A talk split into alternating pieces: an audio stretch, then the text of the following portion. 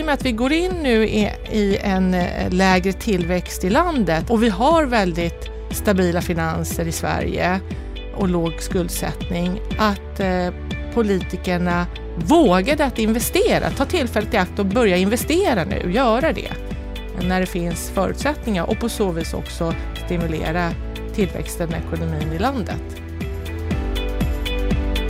Det är läge att ta tillfället i akt och våga investera nu. Biljana Persson är VD på Kungsleden, en otroligt inspirerande och målmedveten person. I dagens Bopolpodden så får du höra hur hennes ledarskap har lyckats vända ett tilltufsat bolag till framgång. Ett samtal där vi får höra mycket om just hennes ledarskap, hennes förmåga att sätta mål och följa dem och hur hon fått med sig medarbetarna och samtidigt fokuserat på en tydlig strategi och hur allt det här har gett resultat. När man hör henne så blir man inte förvånad över det som kallas Biljana-effekten. Och i veckans Aktuellt, som vi ju alltid börjar Bopolpodden med, så förfäras Stefan Attefall över att LO ger sig in i den bostadspolitiska debatten. Men han gillar det han läser från SBABs chefsekonom.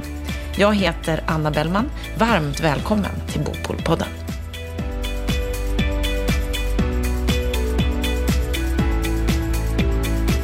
Som vanligt i Bopolpodden så börjar vi med veckans Aktuellt. Stefan Attefall, vad är det som har intresserat dig under den här veckan?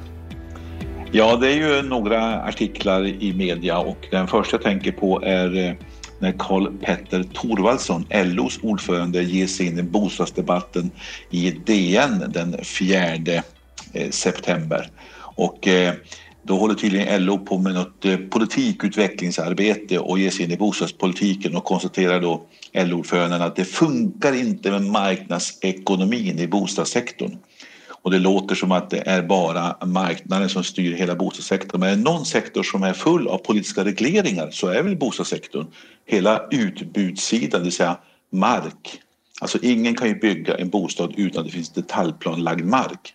Allt detta är politiskt reglerat, alltså hela utbudssidan styrs av politiken. Vi vet att hela hyresmarknaden också har sina regler och vi har omfattande skatter och lagstiftningar och regelverk i övrigt. Så att man kan väl säga att det är någon bransch i Sverige som är oerhört påverkad av politiska beslut så är det just bostadsbranschen. Men eh, han har ju rätt i att det finns även marknadsekonomiska inslag. Eh, men jag tycker att han gör ruskigt enkelt för sig. Men det kanske blir ännu mer roligt när han börjar komma in på åtgärderna. Att han vill återinföra en statlig fastighetsskatt, det är väl ganska självklart. LO vill alltid ha skatter. Men, eh, och det är väl många som håller med om detta, även om han har märkliga exempel. Han säger att det är lika hög skatt att ha ett hus i Skövde som på Dan i Danderyd. Och jag kan upplysa LO-ordföranden om att det är lika hög eh, fordonsskatt och moms i Danderyd och Skövde också. Eh, däremot är priset betydligt högre i Danderyd än i Skövde. Alltså det vill säga, eh, det kostar betydligt mer att bo i Danderyd. Men eh, det är väl sådana här eh, jämförelser som kanske gör det mer för, allt för komplicerat för LO. Det låter på dig som att du inte tycker att LO ska ge sig in i den här debatten överhuvudtaget. Ja, jag vet inte. Jag tycker att LO ska fokusera på löntagarnas eh, rättigheter och eh, arbetsmiljö och liknande saker och villkor. Men han har ju också gett sig in och försöker då tala om att nu ska allmännyttan ska subventionera de nyproducerade hyrorna med de gamla hyrorna. Så de som bor i äldre lägenheter de ska få hyreshöjningar för att betala för att flytta in i nya lägenheter. Och eh, förutom att det strider mot EU-rätt och, det skapar illojal konkurrens på, på bostadsmarknaden så skulle det innebära också att vi återgår egentligen till system som vi försökte hålla på med på 50-60-talen, det vill säga när vi vi korssubventionerade bostäder om vartannat och, och det skapade kaos. Eh, så att det där är ju, tror jag, en ganska farlig utveckling. Och så har det också idéer om att staten ska bilda ett allmännyttigt bostadsbolag. Men det är det väl fler som tycker? Är det inte så? Ja, Vänsterpartiet. Eh, och det är väl ganska symptomatiskt att LO blir mer och mer som Vänsterpartiet. Men vi har alltså i varje kommun nästan ett allmännyttigt bostadsbolag. Vi har många stora, starka, ekonomiskt starka bostadsbolag som, som är allmännyttiga. Vi har dessutom ett antal nationella privata bolag som agerar ungefär som allmännyttan. Vad, vad skulle staten tillföra med ytterligare ett bolag? Och det som kanske är ännu mer häpnadsväckande är att ha statligt byggbolag också. Eh, och de allmännyttiga bolagen i Stockholm exempelvis som hade till för en 30 år sedan ungefär egna byggdivisioner, de la ner dem. Varför det? Jo, därför att de trodde att det här är inte speciellt smart av oss. Nej, så sannolikheten så att, att, det blir det, det kanske inte är jättestor? Nej, låt mig säga så här att eh, LO ska nog vara skomakare, bli din läst, det vill säga gör det du är duktig på, inte ge dig in i sånt som du inte kan. Något annat som eh, du har uppmärksammat under veckan? Ja, sen fortsätter ju debatten om bolåneskulderna. Robert Boye, chefsekonom på SBAB, han eh, skriver i Svenska Dagbladets Brännpunkt också den 4 september eh, om bolåneskulderna. Han visar ganska pedagogiskt en historisk genomgång hur vi har haft mycket av statliga offentliga subventioner till boendet och så har vi flyttat över mycket av finansieringen från stat till privatpersoner. Och då stiger ju skuldsättningen hos privatpersoner och särskilt när räntorna går neråt. Och eh, sen pekar han på att eh, de där så räntesänkningarna och den här omläggningen av politiken då blir skuldsättningen i hushållen inte speciellt eh, konstig och därmed polemiserar han ju också med Finansinspektionen, Riksbank och en del andra ekonomer som varnar för skuldsättningen.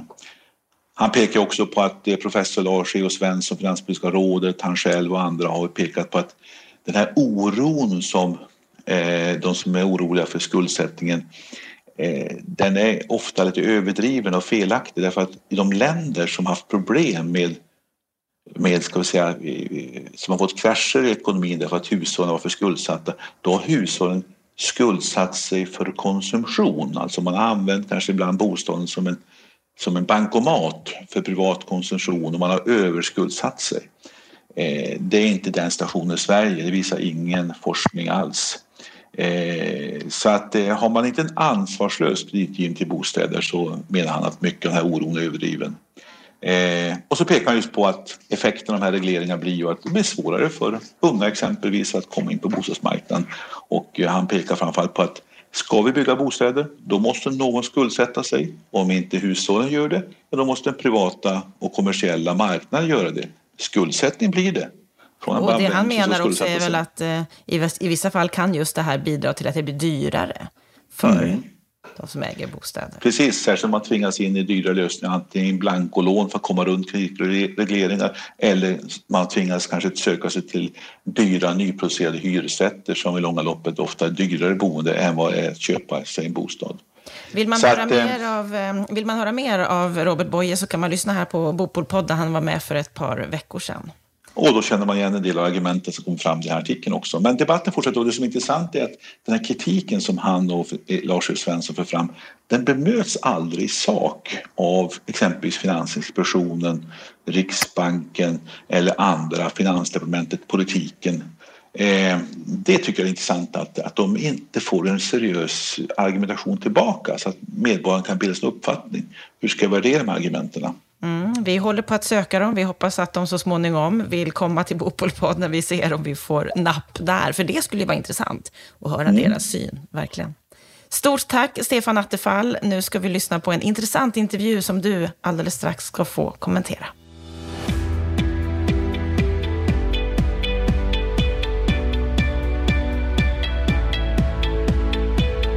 Sedan hon tillträdde posten som VD för sex år sedan så har fastighetsbolaget Kungsleden både uppnått en jämnare könsfördelning och en högre lönsamhet.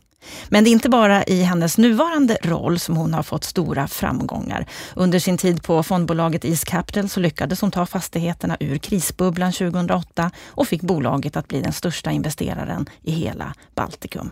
Man pratar om Biljana-effekten. Något som verkar hålla i sig på Kungsleden. Fjolårsresultatet var det starkaste på tio år. Hur ser hon på nuläget och utmaningarna framöver? Varmt välkommen till Bopolpodden, Biljana Persson. Tack så mycket. Vilken introduktion. Känns den bra? Det känns riktigt bra. Ja. du sitter där. Du fick ett större och större leende ju mer jag sa. Vad skulle du säga, vad är din sinnesstämning idag? Jag är väldigt glad och eh, man ska ju aldrig vara nöjd, men jag är faktiskt lite nöjd eh, med allt vi har uppnått. Det har varit en resa med Kungsleden och det har verkligen varit eh, en resa som inte varit spikrak upp, utan det har varit eh, en berg och dalbana och eh, många stunder där det har varit glädje och framgångar, men också stunder där det har varit helt hopplöst och man undrar, vad gör jag? Eh, så att eh, jag är riktigt glad nu. Och vad är det då som har fått dig att, att stanna kvar och fortsätta i de här svårare stunderna? Ja, det är en bra fråga. Jag tror att jag är oerhört eh, envis och kämpar. Alltså jag ger inte upp. Det är inte i alla fall i det första taget. Och uh, men det gäller ju även East Capital. Det var ju väldigt tuffa tider efter den globala finanskrisen 2008 och eh, under eh, ja, flera år därefter så fick vi ju kämpa för att eh, rädda våra investeringar, men också ta, ha modet att göra nya investeringar och faktiskt de vi gjorde när marknaden var på botten, de har ju varit oerhört framgångsrika och lönsamma. Så att eh, man, det finns ju alltid möjligheter, även när det är som mest nattsvart, så finns det möjligheter. Är du duktig på att sätta mål och ja. hålla fast vid dem? Ja, men det är jag. Jag är ju en, en uh, utpräglad teamspelare och för att få med sig hela teamet och i mitt fall som VD på ett bolag så handlar det om alla som jobbar på bolaget. Så måste man ju ha väldigt tydliga mål, man måste prata om dem. Eh, vad innebär de för olika medarbetare? Vad innebär de för olika avdelningar inom bolaget? Eh, och hur når vi dessa? Eh, och på vilket sätt också? Eh, så att det här ägnar jag väldigt mycket tid åt, att prata om bolagets mål, olika avdelningars mål och så vidare för att få alla att gå åt samma håll. Ja, för det måste ju vara en utmaning, att få med sig hela teamet, absolut, hela gänget. Absolut, absolut. Och det, och det är ju när man får med sig alla, det är då eh, kraften kommer och det är då resultaten kommer. Eh, så det är en jättehäftig upplevelse eh, när det väl sker. Hur lång tid tog det för dig på, på Kungsleden då, att, att komma dit tycker du? Ja, men det har varit... Eh, om, om någon hade frågat mig, vilket de i och för sig gjorde, men eh, den här frågan, hur, hur lång tid tror ni att det här... För det var en förändringsresa. Vi skulle ju eh, byta strategi i grunden i bolaget. Och för det krävdes ju helt andra fastigheter, det krävdes en helt annan organisation. Och eh, målet var också att förbättra vår finansiella ställning. Så det är en förändring i grunden och rätt stor förändring för ett fastighetsbolag att gå från att vara väldigt transaktionsdrivna, eh, opportunistiska, eh, hög belåningsgrad Eh, till att vara långsiktiga ägare, att aktivt jobba med sina kunder, fastigheter. Vi ska syssla med förädla och utveckla fastigheter eh, och eh, framförallt kontor i våra starkaste tillväxtmarknader. Det är, en, det är en jättestor skillnad och jag trodde kanske att det här skulle ta en, ja, tre, fyra år Eh, och att det svåraste med, med den här förändringen skulle vara faktiskt att stöpa om fastighetsportföljen. Eh, det visar ju sig att det gick ju eh, relativt smidigt. Det svåra var ju att få med sig alla som jobbar på Kungsleden. Så det har varit en oerhört lärorik resa för mig personligen att, att förstå hur viktigt det är, återigen, att vara tydlig. Varför gör vi det här? Varför sker det här strategibytet? Eh, hur ska vi nå de här nya målen? Kan du säga någonting om hur du konkret har gjort den kommunikationen? Ja, men det här är ju varje dag, så att eh, allt ifrån att vi har haft eh, ja, men stora konferenser, kickoffer, det har vi varje år där vi diskuterar det här, men att vi har jobbat med ledare, vi har brutit ner liksom de olika målen och jobbat dem i mindre grupper och så vidare. Konkretiserat, konkretiserat hela tiden. Uh, och det är inte förrän alla är med på tåget som, som resultaten kommer. Uh, och det ser vi nu. Det ser vi verkligen nu. Så det är jättekul. Du och jag har ju träffats på scen vid ett par tillfällen, mm. där, där jag har varit moderator och du har mm. varit i panelen. Men inför den här intervjun så, så frågade jag andra om dig. Mm. Om ni skulle beskriva Biljana, hur skulle ni beskriva henne då? Och då fick jag höra att ja, hon är glad, precis som du sa att din sinnesstämning var här idag. Mm. Du är driven, att du har nypor om det behövs. Och att du förmodligen har präglats av att vara en ganska ensam tjej i fastighetsbranschen. Stämmer den här beskrivningen tycker du? Ja, men det tycker jag. Det tycker jag. På vilket sätt har du präglats?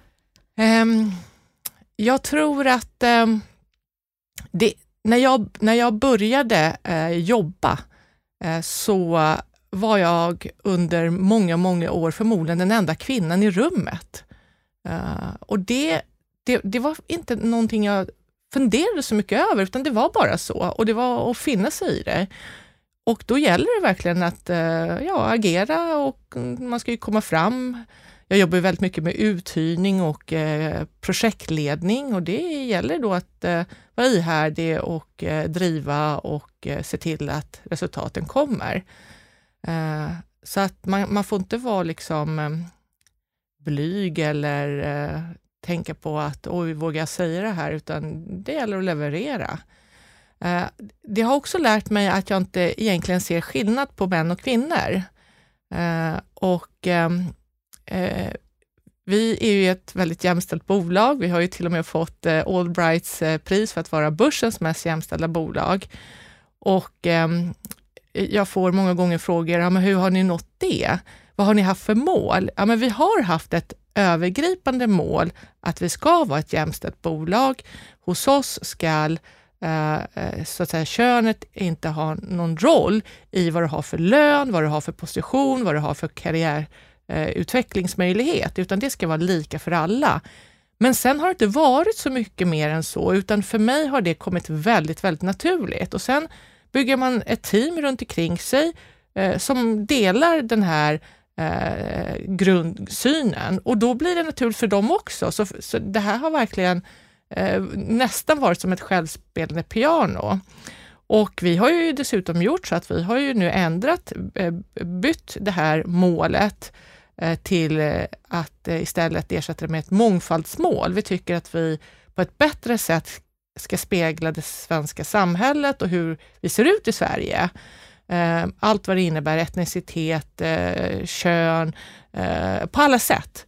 Och, och det gör vi inte idag och det är ett nytt mål för oss. Och där, och där märker jag att där måste vi verkligen sätta siffror för att förstå vart vi ska Ja, vad är målet? Hur ska Kungsleden se ut? För att det ska bli tydligt precis, att ni verkligen når dem. Precis, precis.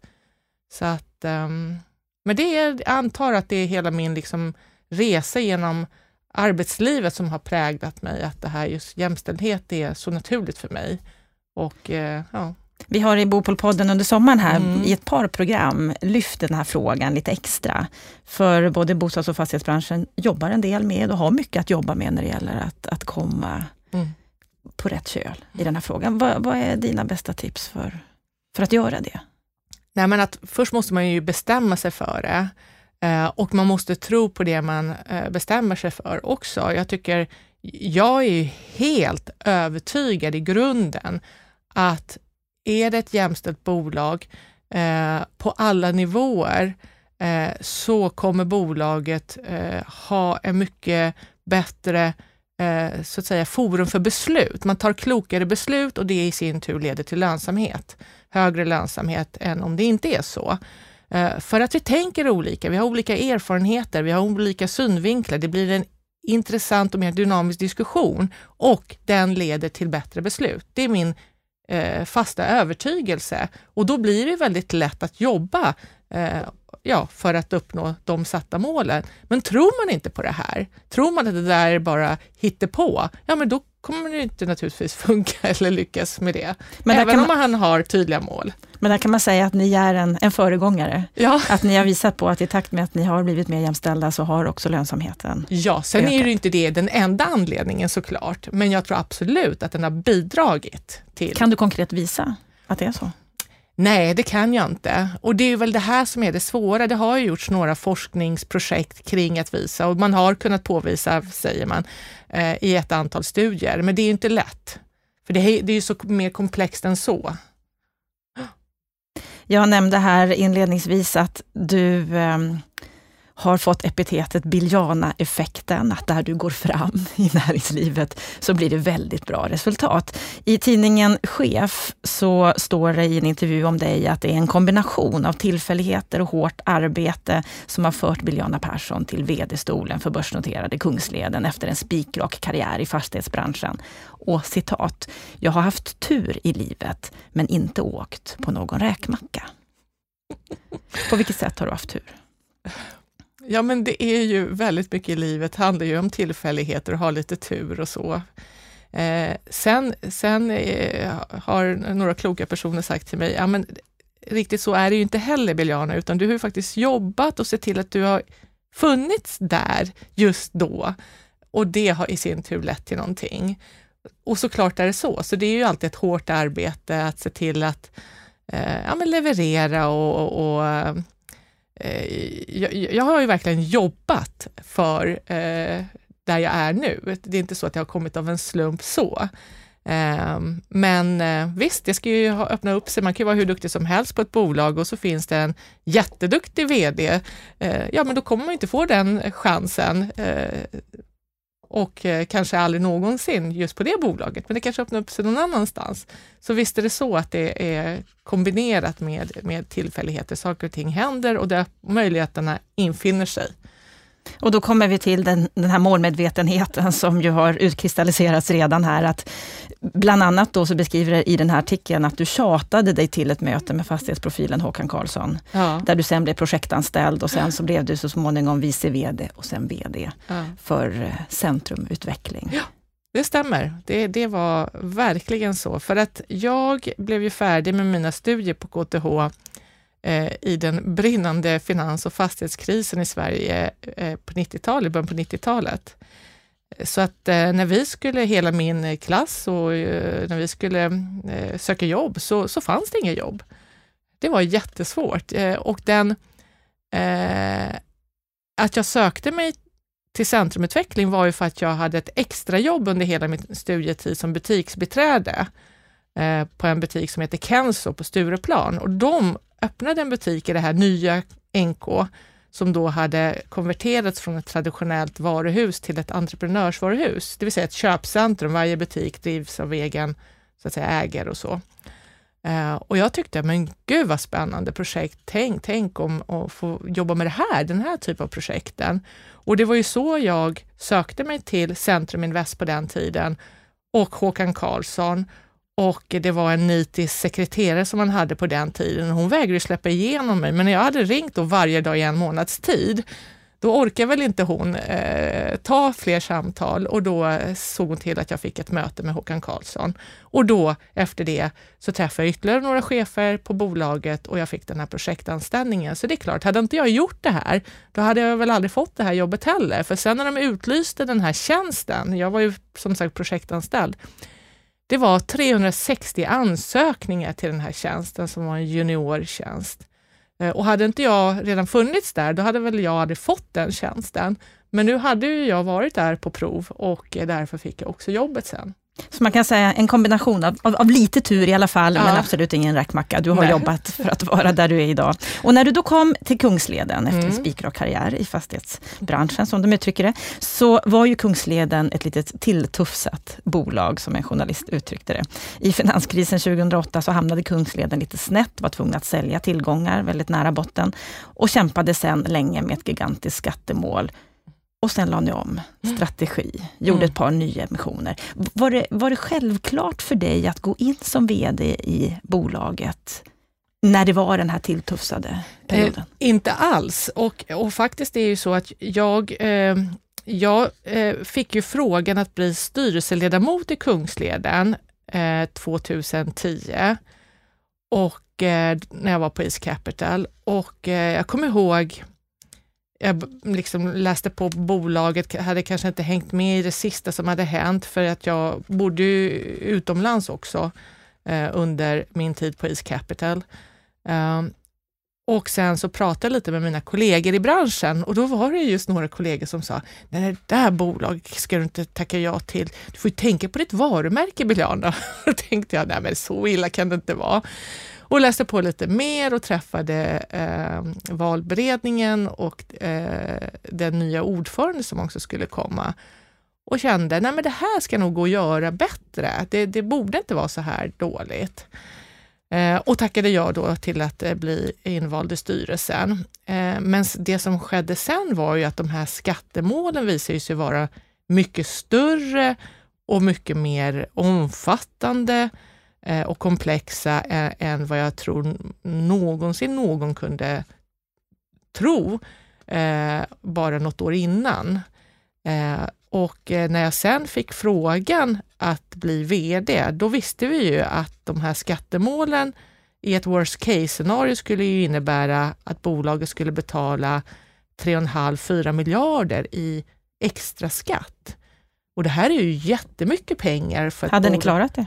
Eh, ha, had, hade alla de här processerna, för det var ju flera processer, hade de infallit en och samma dag? Nej, det jag tror inte. Eh, jag, jag tror det hade varit tufft att klara sig. Um, och, um, så det var, ju, det var ju en stor, stor utmaning. Uh, och sen var det ju det positiva, möjligheten var ju att uh, Gösta Welansson, vår storägare än idag, uh, köpte in sig och, i bolaget och ville ha den här strategiska förändringen. Och, och trodde på bolaget. Och, och det, det är jätteviktigt för att ska man in i en sån här omfattande förändringsresa, då, då är det oerhört viktigt att alla är med på samma bana. Och det är från ägarsidan, styrelsens sida, ledningen och alla som jobbar på Kungsleden. Eh, jag och vad var de stora förändringarna i strategin? Ja, men det var ju att vi inte, att vi inte skulle syssla med det här köpa och sälja, för det har inte, hade, funkade inte i den här nya eh, ekonomin efter finanskrisen. Eh, marknaden är så mycket transparent, så att alla vet ju på ett ungefär liksom, vad fastigheterna är värda och så vidare. Eh, transaktionsvolymerna var ju inte heller så höga under de här åren efter finanskrisen. Eh, sen eh, eh, eh var det då naturligtvis att rensa, eh, att ta hand om de här skatteprocesser som var oerhört komplexa och krävde både expertis och, och, resurser och insatser från vår sida och även eh, ehm, eh, andra som vi tog in, experter som vi tog in.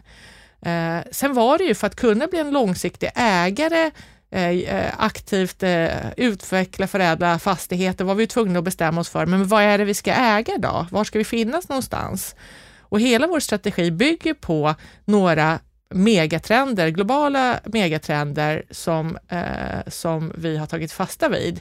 Och det ena är ju då urbaniseringstrenden. I goda tider, i dåliga tider så tror vi att den här urbaniseringstrenden kommer fortsätta. Stora städer kommer att attrahera människor, studenter och företag. Och de kommer alltid ha en större andel av ett lands tillväxt än vad mindre städer har.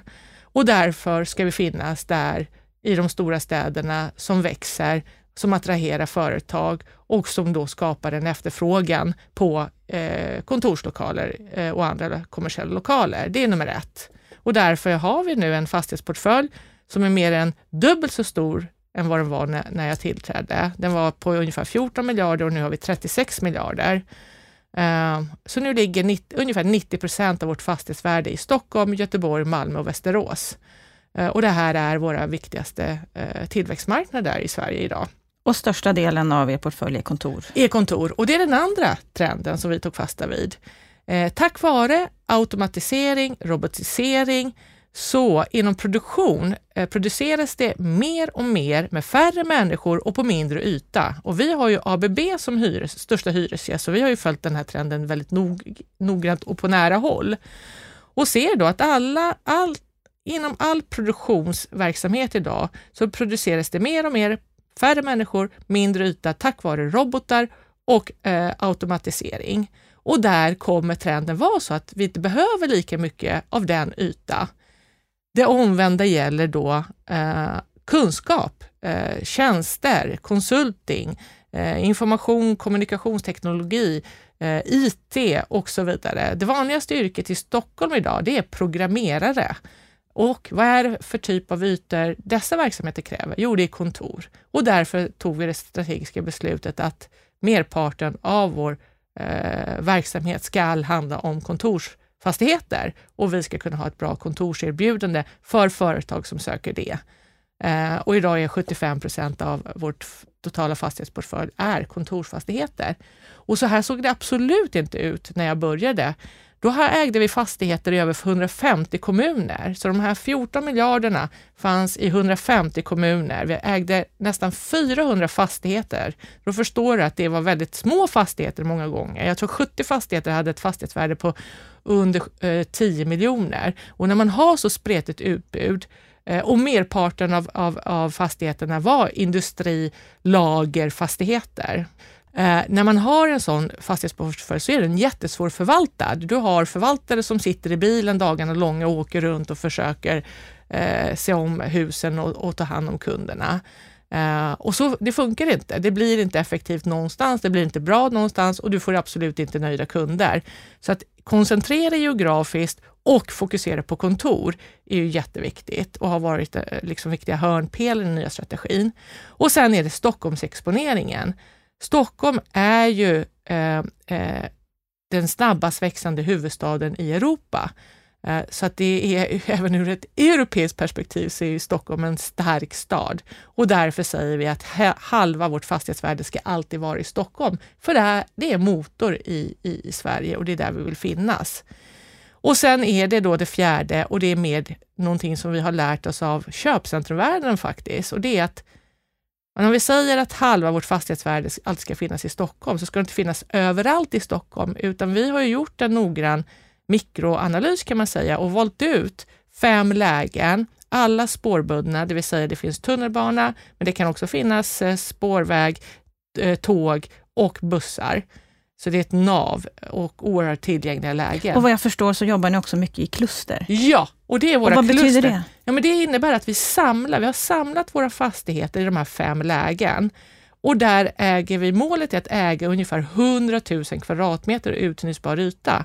För då tror vi att i de här utvalda lägena så är vi störst fastighetsägare eller i alla fall topp tre, topp fyra. Och då har vi eh, möjligheten att påverka hela områdets eh, hur det ser ut, vad det finns för restaurangutbud, kaféutbud, gymmen och så vidare. För idag att skapa en, en, att leverera på den visionen vi har, att vi ska skapa attraktiva och hållbara platser som berikar an, äh, människors arbetsdag eller som till och med inspirerar äh, de som sitter hos oss. Eh, så handlar det så mycket mer om eh, eh, huset och kontoret. Det är allt runt omkring. Hur är garaget? Hur, finns det trädgård, växtligheter? Finns det någonstans där man kan gå ut och äta? Finns det gym? Finns det service och så vidare? Så det är den här helheten som gör att det blir en, en intressant och attraktiv plats för oss som jobbar varje dag att ta sig dit. Tittar man på det ni sålde i Eskilstuna i slutet på förra året ja. så sålde ni 15 fastigheter till Regio. Ja. En del av det var bostäder. Har ni helt gått ifrån? Ja, vi äger inga bostäder. Eh, så att det är, det är eh, för att leverera då återigen på den här renodlingen så har vi då valt att lämna eh, andra segment. Bostäder, det har aldrig varit stort inom Kungsleden. Men det har vi lämnat. Vi har också lämnat handel. Eh, och en, eh, merparten av Eskilstuna-beståndet är ju handel. Det är både köpcentrum och gallerier, men det är också eh, gatubutiker. Alltså fastighetsbeståndet, delar av det är väldigt centralt i Eskilstuna. Um, och, eh, så, så, att det var helt i linje så att säga, med den övergripande strategin. Att fokusera kring våra huvudmarknader och inte göra allt, utan nu har vi valt den här vägen. Och det här eh, klustret och eh, den här fokuseringen kring utvalda städer och kontor och sen har vi en del lagerlogistik. Det underlättar ju också för oss som företag kompetensmässigt, organisatoriskt, att vi kan bli superduktiga på det vi gör istället för, för att vara halvbra på lite allt möjligt så att säga. Eh, så det är en stor fördel. Absolut. Men ni ser ingen vilja av att hjälpa till och se till att hela Sverige ska utvecklas och, och leva inom det här området? Jo men absolut, det är det jag menar. När vi, när vi är, om vi är så pass stora som vi är i våra kluster, och vi har ju 12 kluster idag, då kan vi ju kroka arm med andra och se till att det blir bostäder och skolor och handel, eh, hotell och annat. Och på vilket sätt gör ni det? Hur krokar ni arm? Ja, vi har i, i till exempelvis Kista där vi, äger, eh, där vi är en stor fastighetsägare, eh, kanske fjärde största fastighetsägare. Eh, där har vi en eh, fastighetsägarförening där vår regionchef eh, Sven Stork är ordförande och driver hela områdets visionsarbete eh, men också hur det är här och nu. Vår affärsutvecklingschef Frida Stanov Lind, hon är ordförande i Kista Science City som är företagarnas plats så att säga och organisation i Kista. I Värtahamnen så är vi ju, eh, sitter vi i styrelsen och eh, i gruppen Stadsutvecklarna i Värtahamnen och driver hela Värtahamnens utveckling i den gruppen. Och det här är ju inte bara att vi engagerar oss Eh, eh, med våra medarbetare och våra resurser. Vi investerar ju också pengar i det här, anlitar arkitekter och andra som projektleder olika initiativ för att skapa en, en attraktiv plats och se till att hela platsen utvecklas på ett bra sätt och att det blir intressanta levande miljöer eh, där man känner trygghet och, och, att det är trevligt att gå och så vidare. Så. När du pratade tidigare om detta med, med, med programmerare, som ju ja. är den kompetens som efterfrågas allra mest. Utmaningen att anställa programmerare är ju att de ska få bostäder. Precis. Kan ni sätta press där? Absolut. För att utveckla bostadsmarknaden? Absolut. På vilket sätt? Ja, men vi är med i många debatter där vi driver just eh, eh olika frågor som gör att en stad kan fortsätta att växa. För det här är ju en flaskhals att vi inte har tillräckligt med bostäder, men också infrastrukturen behöver också moderniseras och investeras i. Och vi är väldigt glada över den tunnelbaneutbyggnaden som sker nu. Den är nödvändig för att Stockholm ska fortsätta att växa. Och det här är bara några exempel där vi engagerar oss och även om vi inte själva vare sig bygger eller äger bostäder så är vi med i debatten och i diskussionen kring ja, men hur ska vi göra för att Stockholm ska fortsätta växa om 10, 20, 30 år?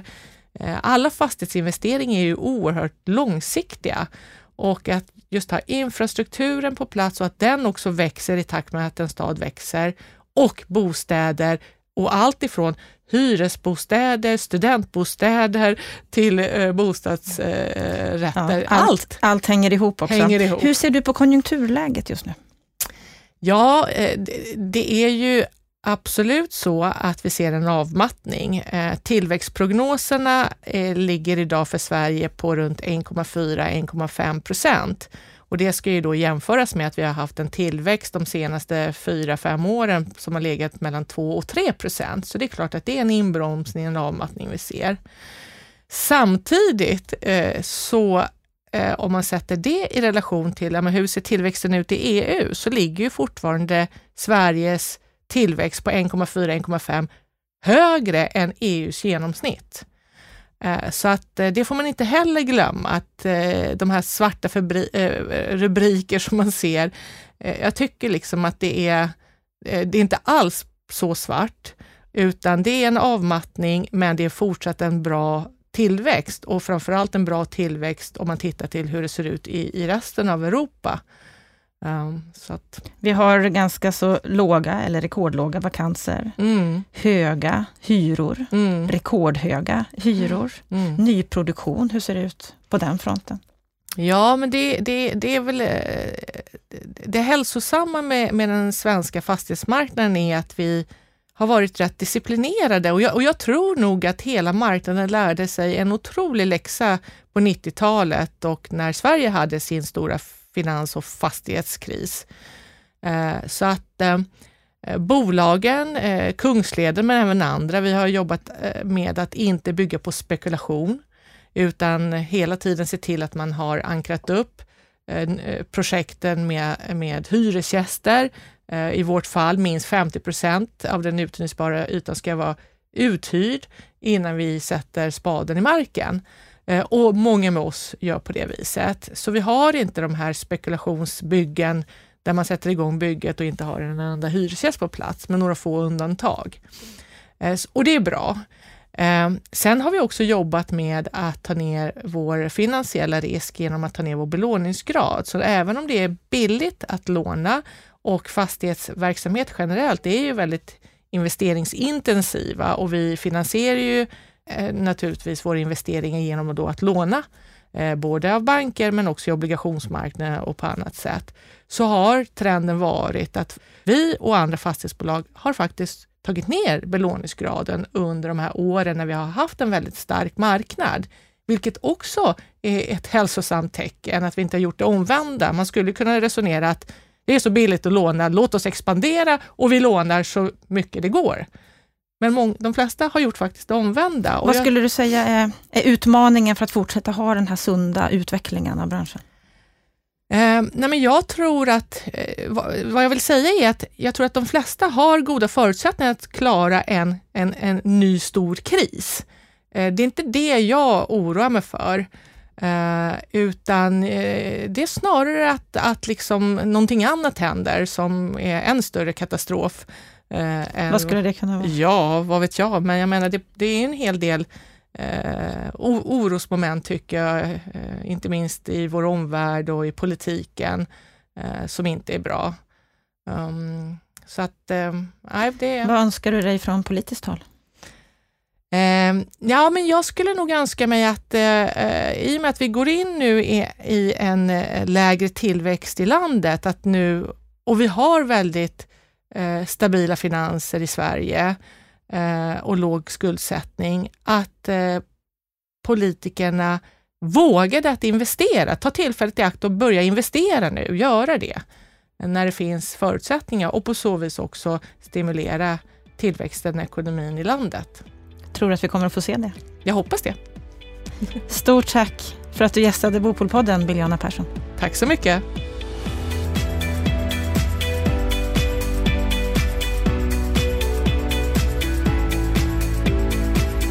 Ja, då har vi hört här en intressant intervju med Biljana Persson om hennes resa, hur hon har förändrat och verkligen sett till att få Kungsleden på fötter. Vad säger du, Stefan Attefall, om den här intervjun?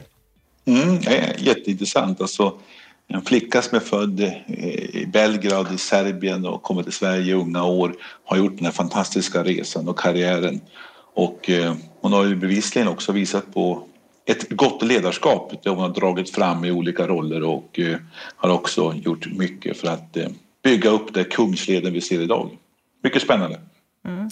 Vi pratar ju en hel del om hennes person, hennes ledarstil. Vad säger du om? Mm.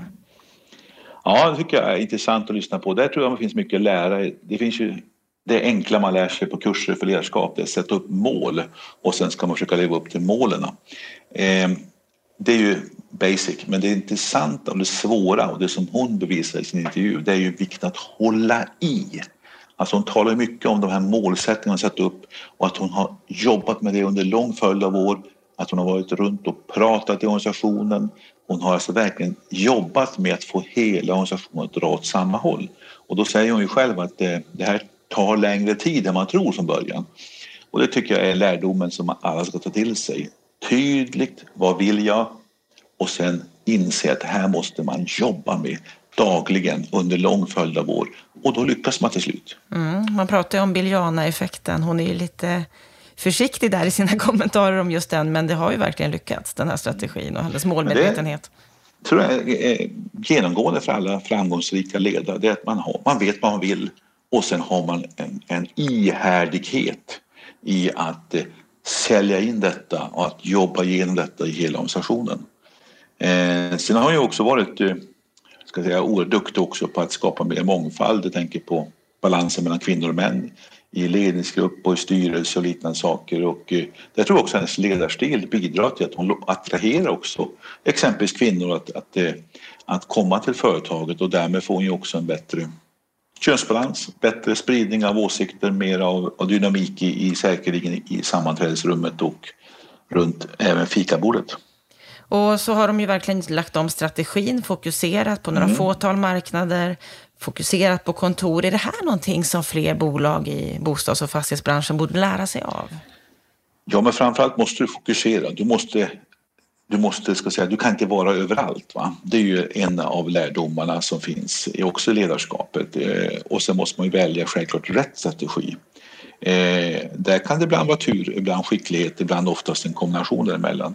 Eh, men vikten att fokusera, hålla fast vid en strategi och, och inse att du kan inte göra allt. Men jag tror också det är viktigt också att den här omläggningen från, om jag ska tolka henne rätt nu, från lite mer kortsiktiga transaktionsinriktade kungsleden till den som jobbar långsiktigt med att förädla och förvalta eh, eh, fastigheter och framförallt kontorsfastigheter. Alltså du går från eh, snabba, kortsiktiga vinsterna till långsiktiga värdeskapandet. Det tror jag är det långa loppet det som också bär och det tycker jag är ett, en bra liksom, strategi och god tanke. Det är det som också gör att man håller över tid i en sån här bransch som fastighetsbranschen. Hon avslutar ju intervjun när jag frågade henne vad hon tycker att politikerna borde göra mer av, att de borde våga investera. Har hon rätt mm. i det tycker du? Ja, det tycker jag. Eh, särskilt nu när vi har eh, låg ränta, vi har eh, goda offentliga finanser. Vi borde investera mer i infrastruktur och den typen av saker. Jag tycker det är intressant också att koppla ihop hennes resonemang, Kungsleden och, den kommersiella fastighetsbranschen med det här med belåningsgrader som vi talade om också under veckans Aktuellt här. Eh, det finns ju en oro hos Finansinspektionen och Riksbank om att nu den kommersiella sektorns skuldsättning är också ett problem, inte bara hushållens. Eh, men det som är en stor skillnad tycker jag mellan de här etablerade fastighetsbolagen på den kommersiella sidan och eh, eh, deras station och 90-talskrisen när vi fick en smäll i den sektorn det är ju att belåningsgraden är ju faktiskt betydligt lägre. Man har bättre koll på siffrorna och det visar också Kungsledens nyckeltal men också många andra aktörer. Och det andra är att vi har ingen inflationsekonomi. Vi har låga räntor och vi har ingen inflation som på sätt höjer värden på fastigheter per automatik. Och de här faktorerna gör att vi är bättre rustade vill jag påstå och behöver vara mindre oroliga än vad vi kanske var då på 80-talets slut när vi byggde upp eh, luftslott som sen kraschade. Eh, och det är också en viktig tror jag, sak att man håller koll på nyckeltalen, ser till att man har vettiga belåningsgrader. Eh, då kan man också bli framgångsrik i långa loppet och klara också smällar och nedgångar i konjunkturen som ju alltid kommer. Mm. Det är läge att investera just nu. Vi får se om politikerna tar till sig det uppropet. Stort tack, Stefan Attefall. Tack. Det var Bopolpodden för den här veckan. Om det är så att du gillar det du hör så får du gärna hjälpa oss att sprida den här podden till fler. Är det så att du vill komma i kontakt med oss så gör du det på podd.bostadspolitik.se. Och vill du läsa mer av Stefan Attefall, då skriver han en krönika den här veckan på bostadspolitik.se. Där kan du hitta många olika typer av texter och inspel när det gäller det bostadspolitiska området. Vi hörs igen om en vecka. Fram till dess, ha en riktigt trevlig helg.